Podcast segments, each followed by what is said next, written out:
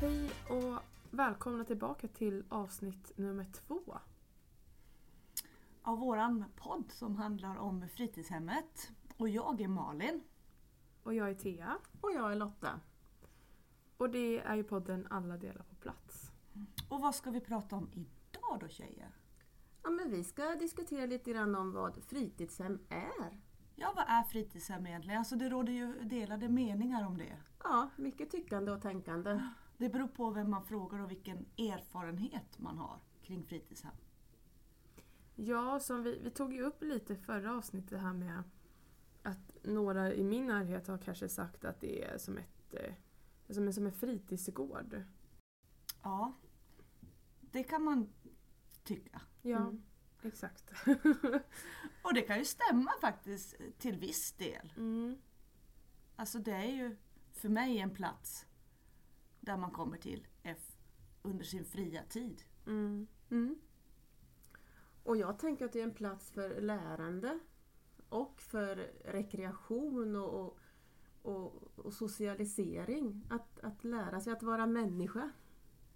Exakt. Vi kan väl börja med att kanske så här förklara en dag på vårt fritidshem.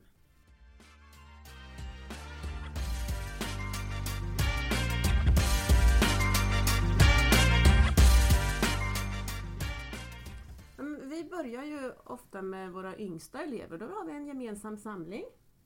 Exakt. Och där får de komma till tals och vi talar om vad som gäller för dagen. Precis. Det kan hända lite rollspel under den här samlingen. Om vi har något eh, om vi har märkt någonting tydligt, något dilemma eller något svårighet under skoltid eller under fritidstid på senaste så brukar vi kunna ta upp det under samlingarna. Och prata om det ganska bra. Även introducera nya aktiviteter och nya händelser. Exakt. Så det är viktigt med den strukturen som en samling innebär. Jag menar, vi har ju vårt bildstöd också som eh, skapar trygghet för barnen. Men vad gör vi efter samlingen då? Ja, men då brukar vi ha lite olika va- valmöjligheter för aktiviteter. Eh, vi, vill, vi gillar ju att vara ute, så vi är oftast ute. Sen kommer ju de äldre barnen också. De har slutat sin dag. De ska också få ha en samling. För just samlingarna har ju vi märkt, eller det vet vi ju, att det är en viktig övergång från skoltid till fritidstid.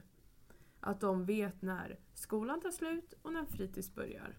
Just för att de också ska kunna ställa om att känna att de har sin fritid gentemot att de har sin skoltid. Men du pratar om att vi har för de yngre barnen först och de äldre barnen sen. Alltså, har vi två fritidshem eller har vi ett Ja, fritidshem? men vi arbetar faktiskt som ett fritidshem med åldrarna från förskoleklass upp till årskurs 6. Mm. Och det ser vi som en väldig vinst hos oss. För de yngre eleverna de får förebilder och de äldre lär sig att ta ansvar för de yngre. Och det är ett kooperativt lärande där. Att man lär varandra. Och sen har vi, vi pratar om samlingen, egentligen är det ett av de få aktiviteter på dagen där vi vill att alla är med. Sen har vi erbjudanden. Exakt. För huvudsaken på fritids är ju att det ska vara en meningsfull fritid. Och- Eller det innebär ju alltså olika saker för alla elever. Och då har vi ju liksom våra fasta aktiviteter som vi erbjuder under veckan.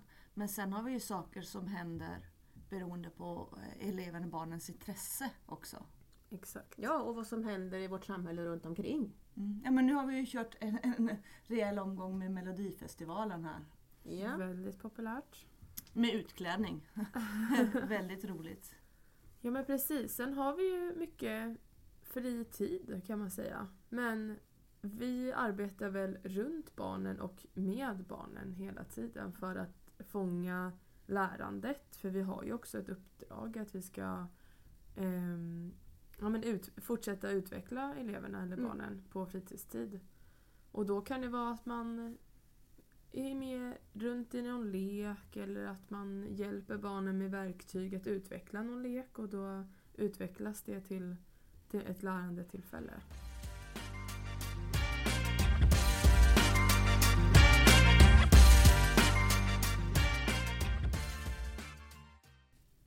Lärandetillfälle. Mm.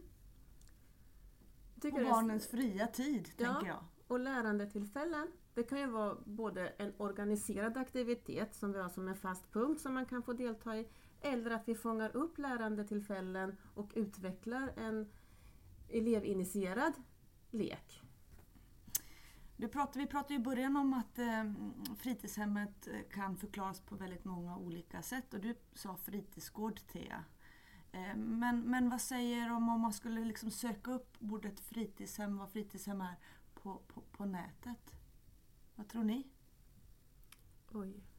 Jag vet inte riktigt, men, men, men jag gick faktiskt en eh, högskoleutbildning för några år sedan Mm. som hette Förstelärare på vetenskaplig grund och där fick vi uppdrag att göra en elevgruppsanalys. Och då var det ju egentligen, den här modellen vi använde var egentligen till grundskola, men jag applicerade den på fritidshem. Spännande. Och i den modellen så fanns det olika metaforer och den lägsta, alltså hur elever uppfattar fritidshem var frågan. Hur uppfattar du din dag på fritids?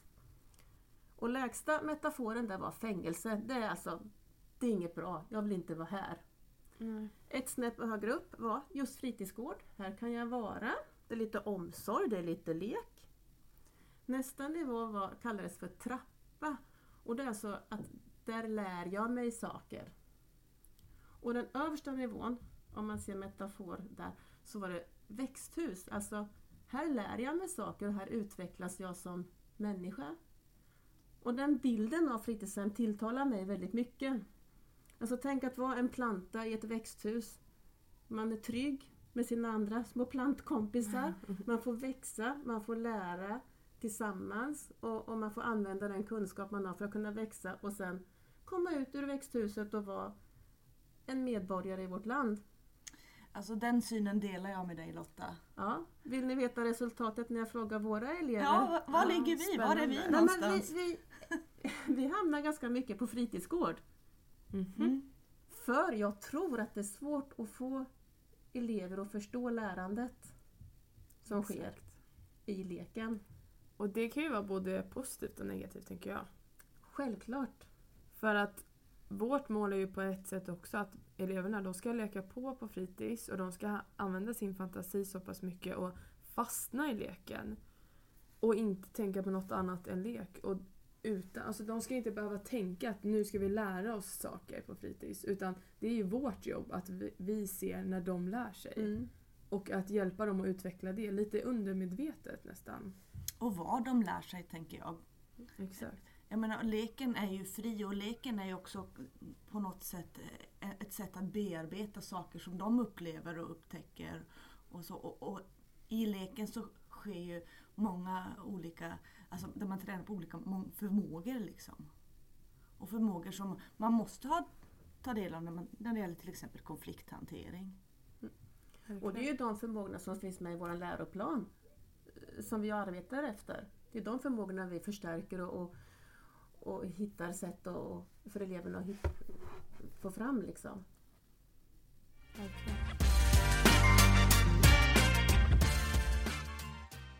Men jag vet ju att vi har ju frågat folk frågor. Ja, vi har frågat eh, både barn och vuxna, Mm, vårdnadshavare, exakt. sådana som vi har mött, om vad fritidshem är. Och vad Precis. säger de då? Om jag säger fritids, vad säger du då? Glädje. förvaringsplats för barn. Eh, Kul! Eh, Jättekul! Eh, kreativitet, tror jag. Eh, på något sätt lite kravlöst, liksom. K- Kravlöst lärande, kanske man kan säga. Eh, samverkan. Ehm, glada skratt, film, mys. Alltså lek, leksaker. Att koppla av. Tycka om fritids. Leka, kärlek, omtanke. När jag hör ordet fritids eller fritidshem tänker jag på barnens eh, lite friare tid efter skolan, kanske under skolan, komplettera skoltiden. Eh, glädje, bestämma lite mer över sin tid, komplettera skolan och hemmet. Ja, när jag hör ordet fritids, fritidshemmet, så tänker jag att det är möjligheternas plats. Det är en plats där våra elever är innan och efter den obligatoriska skolan. En plats där elevernas intresse och delaktighet får vara med och styra. Där sker ett lärande som, är en, som än mer än skolan är ett värdeskapande lärande. Där omsorg och lärande går hand i hand för barnet.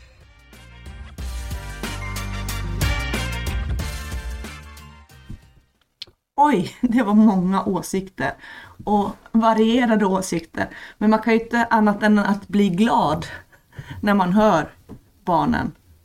Ja, det känns som att vi har lyckats med att nå fram till barnen i alla fall. Mm, men däremot så, så har vi faktiskt en del att jobba för. Ja, det är väl skönt att vi inte är perfekta än. Nej, nej absolut. Jag tror aldrig någonsin man kommer bli helt klar, helt färdig. Och det kommer vi ju inte bli med fritids, vad fritidshemmet är det här avsnittet heller. Nej, jag känner att där har vi mer att prata om och, och mer att fundera kring och reflektera kring. Jag menar, för oss som då är lärare i fritidshem så, så har vi ett, ett högre eller större syfte med vad fritidshemmet är och det tycker jag vi ska prata mer om i nästa avsnitt. Det tycker jag verkligen. Absolut. Så nu säger vi hej då för den här gången. Hoppas ni följer oss nästa gång. Hej då! Hej då!